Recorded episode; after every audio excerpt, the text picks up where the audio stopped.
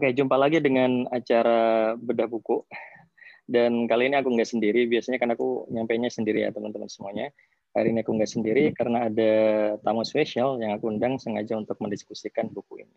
Karena um, buku ini terkait banget gitu ya sama kalian misalnya atau pendengar sekalian yang mungkin punya apa ya semacam hal-hal yang bersifat emosional gitu yang terjadi ketika teman-teman bekerja. Oleh karena itu uh, orang yang kemudian uh, aku undang dan aku ajak diskusi sekarang pasti punya pengalaman sudah punya pengalaman bekerja dan lain sebagainya dan itu akan ngebantu gitu ya untuk kemudian memperjelas topik yang akan kita bahas kali ini.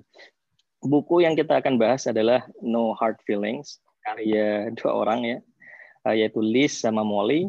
Um, mereka menceritakan pengalaman mereka bekerja, terus uh, pengalaman semacam apa ya hal uh, hal-hal yang bersifat emosional yang terjadi ketika mereka bekerja sampai kemudian mereka memutuskan untuk keluar dari pekerjaannya dan kemudian menulis buku ini menemukan pekerjaan baru dan mereka share gitu ya hal-hal yang aku rasa menarik banget gitu ya untuk kemudian kita bahas. Uh, jadi uh, judul bukunya adalah No Hard Feelings: The Secret Power of Embracing Emotions at Work. Nah, buku ini menarik karena kebanyakan kan ketika kita bahas tentang ini ya kayak um, self development book misalnya, itu solusinya adalah personal biasanya. Yaitu kita harus menjadi lebih positif, terus kita harus uh, stop overthinking dan lain sebagainya yang itu kadang nggak praktikal kalau kemudian kita bawa ke lingkungan kerja.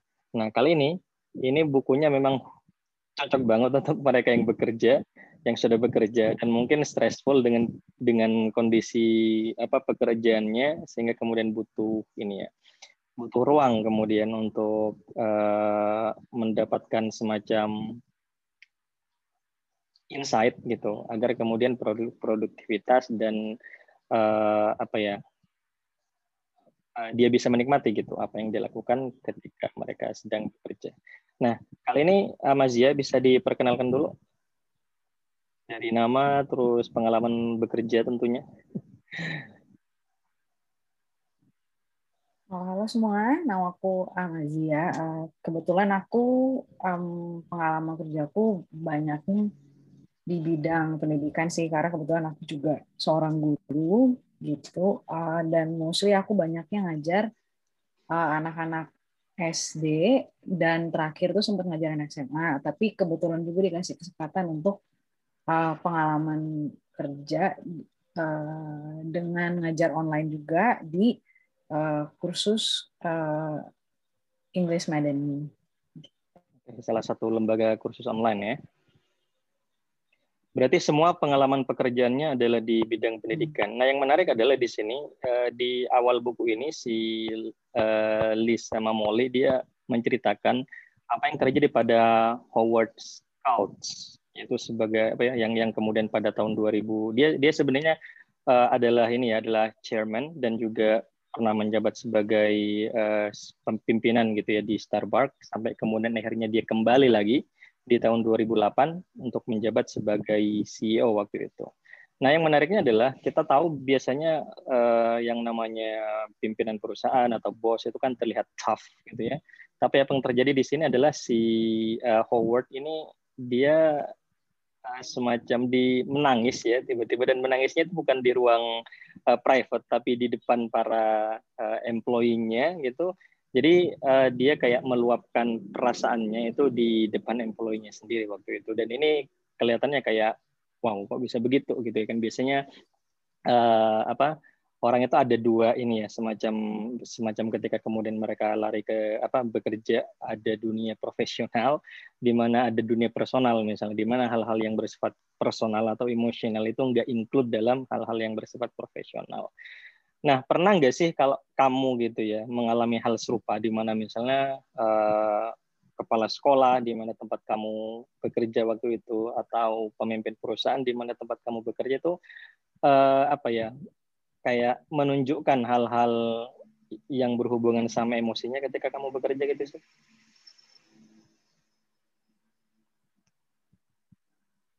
Uh, tentunya pasti ada ya, cuman cara mereka aja, cara mereka menunjukkannya itu beda-beda gitu. Jadi aku kebetulan punya kesempatan waktu itu bekerja dengan kepala sekolah yang uh, laki-laki dan juga kepala sekolah yang perempuan gitu. Cara mereka untuk menghandle emosi beda-beda, tapi uh, dua hal yang aku pelajarin dari mereka sih, um, walaupun mereka uh, mengalami situasi yang begitu, mereka tetap berusaha untuk terlihat profesional di depan uh, para guru gitu. Jadi kalaupun begitu nggak kelihatan, nggak kelihatan di uh, apa nggak kelihatan emosinya.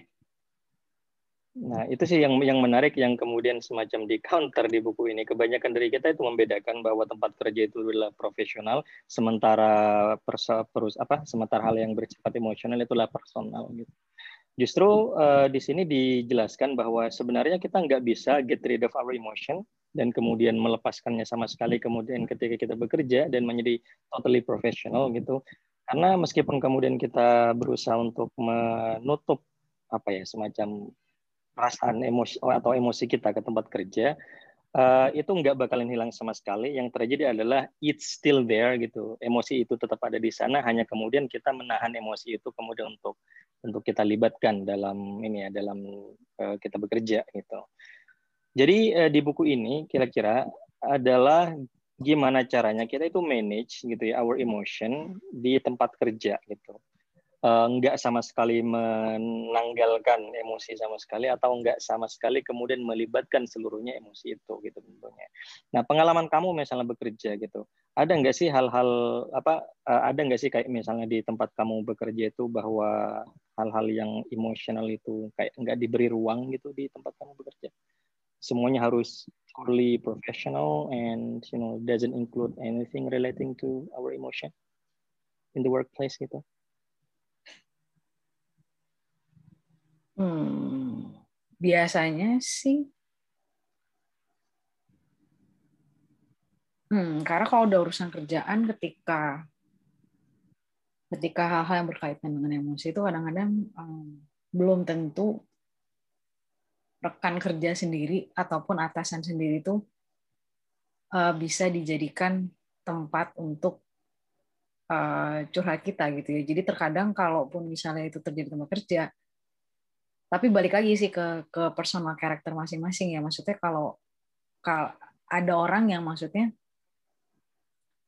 uh, terbuka untuk menceritakan masalahnya tapi ada juga yang memilih untuk lebih tertutup gitu. Dan ketahuannya baru belakangan. Itu juga banyak terjadi. Dan dan nggak semua dan nggak semua leaders atau pemimpin juga mungkin mengerti gitu kondisi uh, pekerja tersebut gitu. Ada juga yang mungkin pikirannya biasa-biasa aja gitu, padahal uh, kena masalah gitu. Mungkin leadersnya juga nggak peka, jadi bisa aja kejadian gitu. Kalau misalnya um, apa yang berhubungan dengan emosi itu bisa terjadi, cuman sekali lagi gitu ya tergantung tempat kerja gimana. Kebetulan sih kalau kayak tempat kerjaku sejauh ini sih belum ada ya dan maksudnya ketika kalaupun ada yang bermasalah dengan hal itu, biasanya sih mereka memberikan kayak toleransi dulu gitu, suruh menenangkan. Biasanya sih caranya nenangin dirinya dulu atau gimana, atau mungkin diajak ngobrol dulu.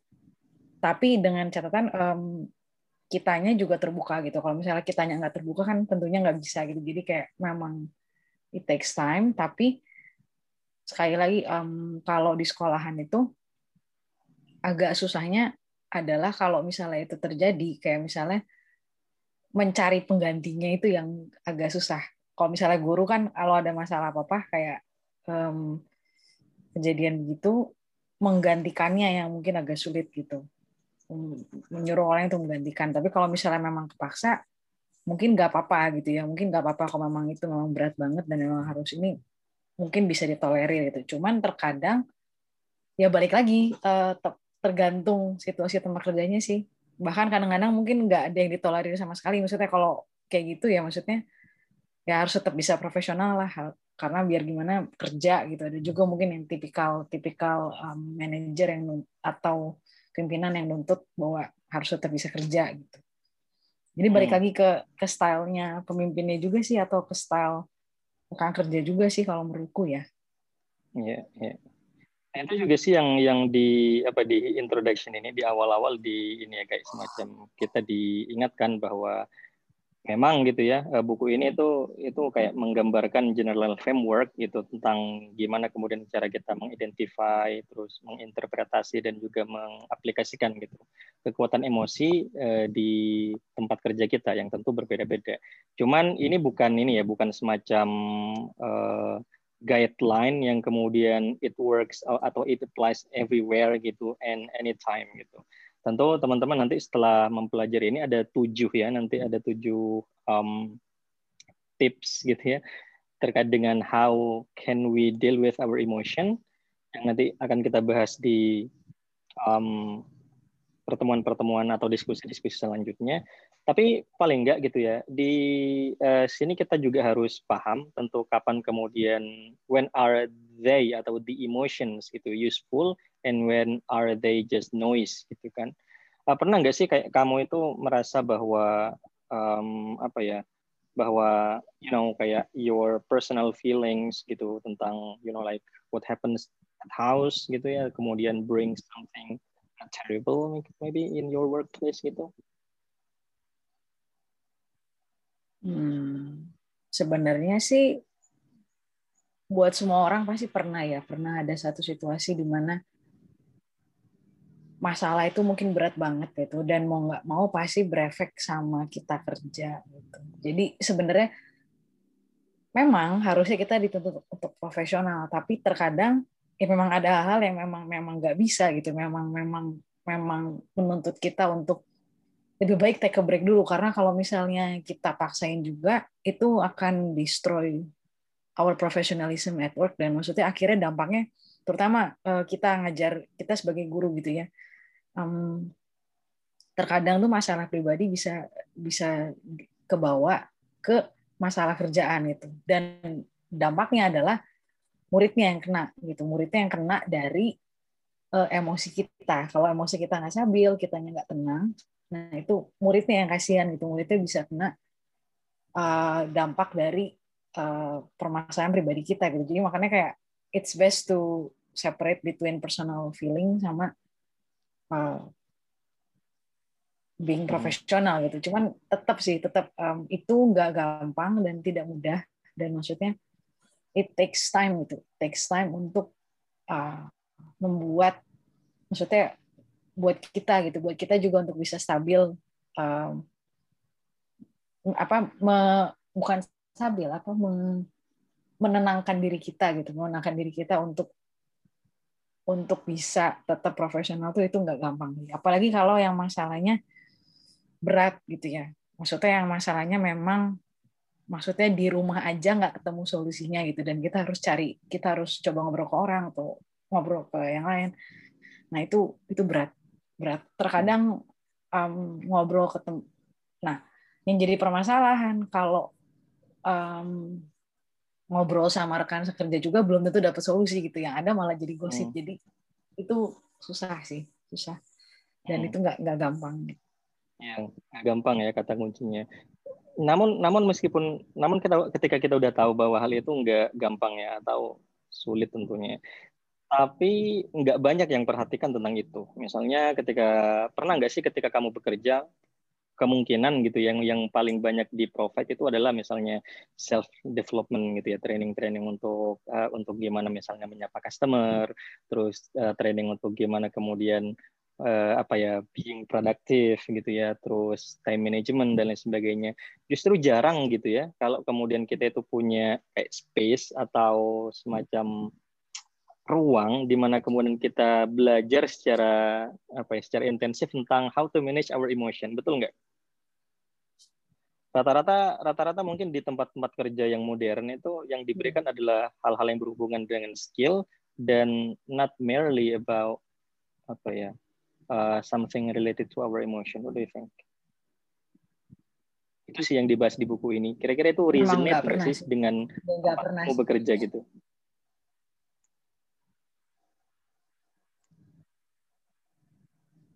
Sebenarnya bisa aja sih, cuma mak maksudnya memang iya training kalau kita di kebetulan di sebagai seorang pendidik pasti training kita ngarahnya ke mengarah ke uh, self apa self development gitu sebagai seorang guru gitu kan. Bagaimana cara membuat kurikulum bagaimana cara mm -hmm.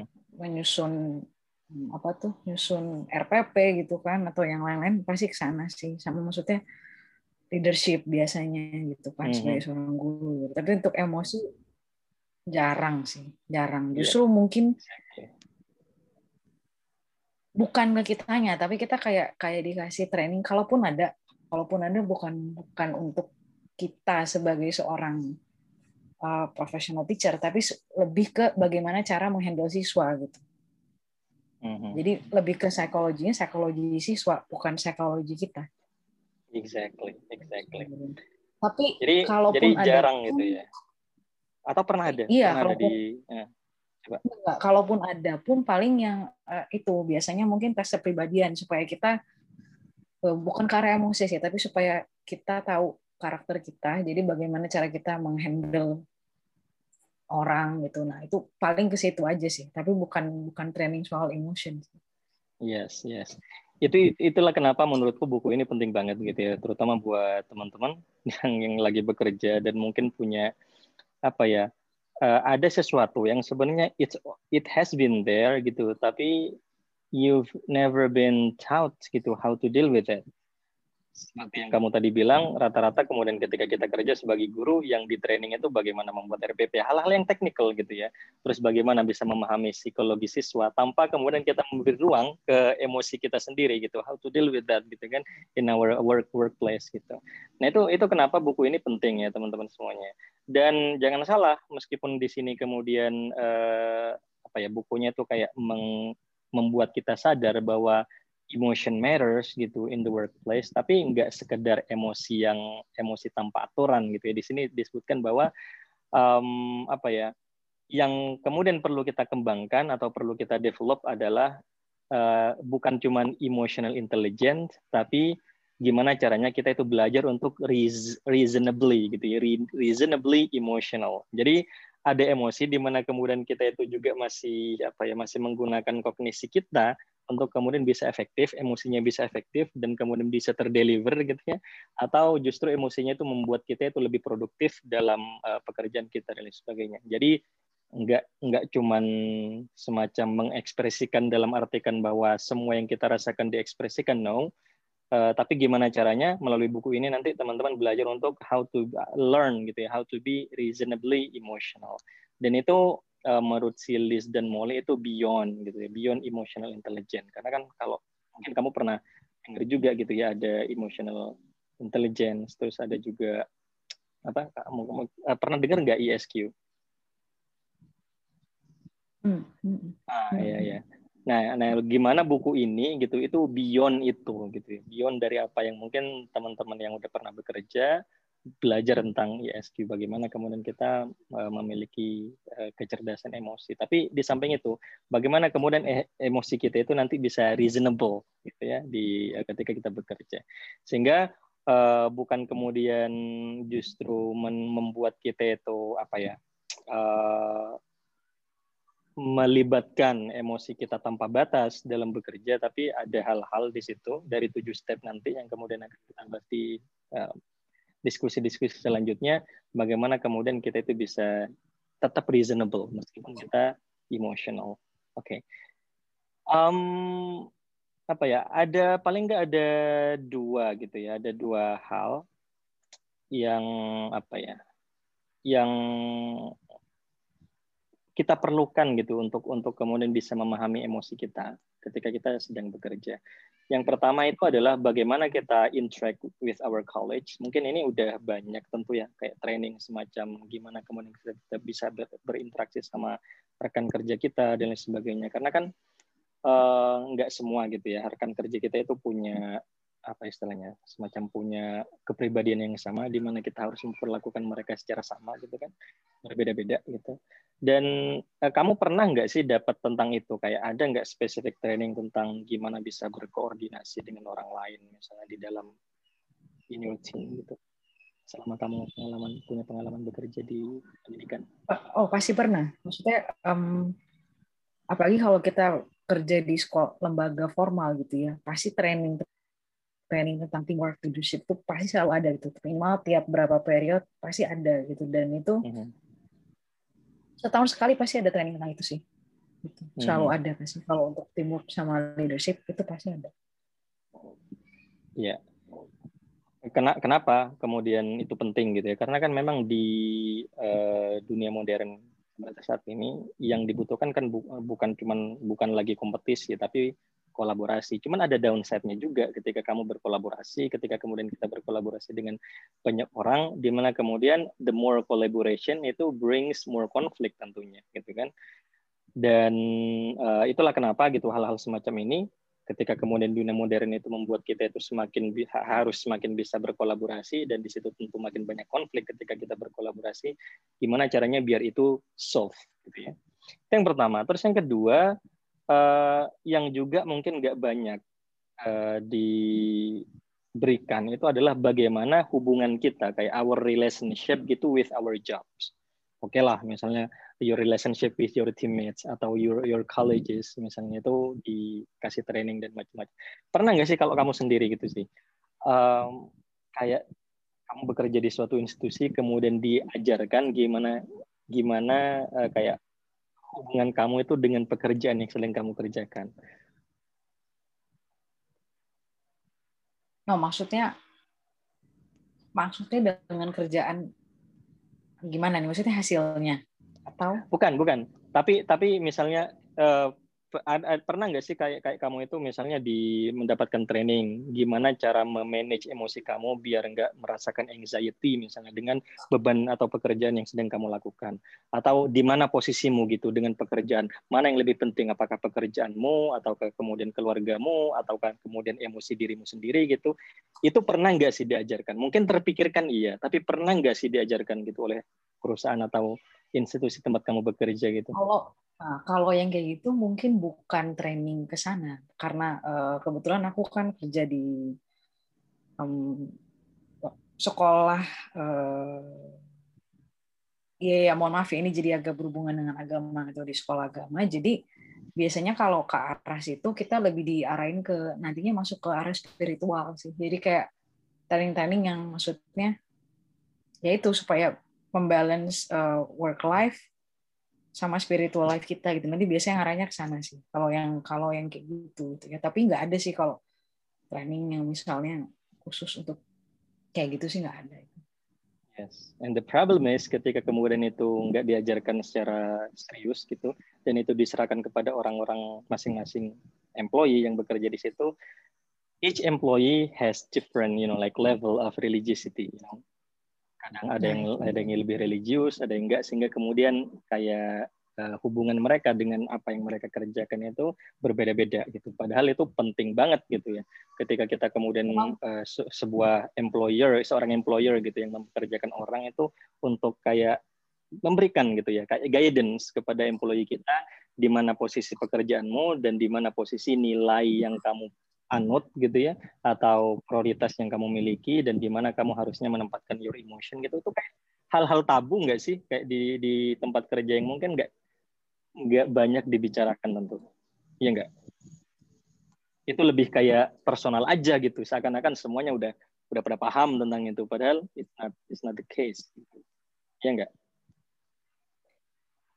Iya sih, maksudnya kalau kayak gitu memang nanti arahnya uh, bukan dibicarakan secara umum tapi kayak lebih ke konseling kalau misalnya konseling uh, jadi ada kalau tempat kerja dulu tuh ada konseling khusus untuk guru gitu. Jadi kalau misalnya memang guru itu ada masalah atau apa ya memang konseling dengan dengan uh, guru agamanya maksudnya dengan uh, pemuka agama gitu loh. Jadi kayak maksudnya uh, karena kan kalau dari segi dari segi misalnya kepala sekolah gitu kan mungkin kadang nggak bisa ngasih solusi gitu kadang mesti butuh orang lain juga gitu. Jadi makanya konselingnya biasanya kayak begitu sih.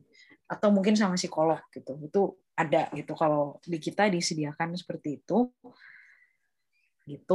Tapi ya ya memang memang maksudnya nggak dibicarakan secara luas begitu sih enggak sih. Karena maksudnya yang berhubungan dengan begitu kan urusan personal ya. Karena kalau dibicarain secara umum eh, nantinya malah enggak apa ya malah mungkin membuat kita juga jadi risih gitu kalau kita bicarain di publik gitu karena nggak nggak semua orang itu um, mau untuk menceritakan personal problemnya dan itu nggak gampang jadi makanya kalau untuk yang kayak gitu lebih diarahin ke sisi ke, ke sesi konseling sih. Mhm, mhm. Oke, okay. Uh, intinya gitu dari dari perbincangan kita dari awal sampai akhir tadi ada hal-hal di mana kemudian kita itu di tempat kerja kita itu kayak semacam underestimated yaitu emosi tadi. Baik itu emosi gimana gimana cara kita berhubungan sama rekan kerja kita atau bagaimana kemudian kita kayak hubungan kita hubungan kita sendiri dengan pekerjaan yang sedang kita lakukan. Itu semacam hal-hal yang sebenarnya penting untuk dibahas tapi kita banyak memilih nggak nggak bahas itu gitu ya entah karena alasannya it's personal dan lain sebagainya padahal nah padahal itu kayak apa ya ada semacam ada hal positif yang kemudian bisa di yang sebenarnya kalau kita lakukan itu akan membawa dampak positif gitu ya. Cuman tentu perlu guidelines. Gimana caranya kita menjadi rationally emotional gitu. Nggak semacam our emotional our emotion gitu goes wild gitu in the workplace. Bukan itu yang diinginkan oleh buku ini.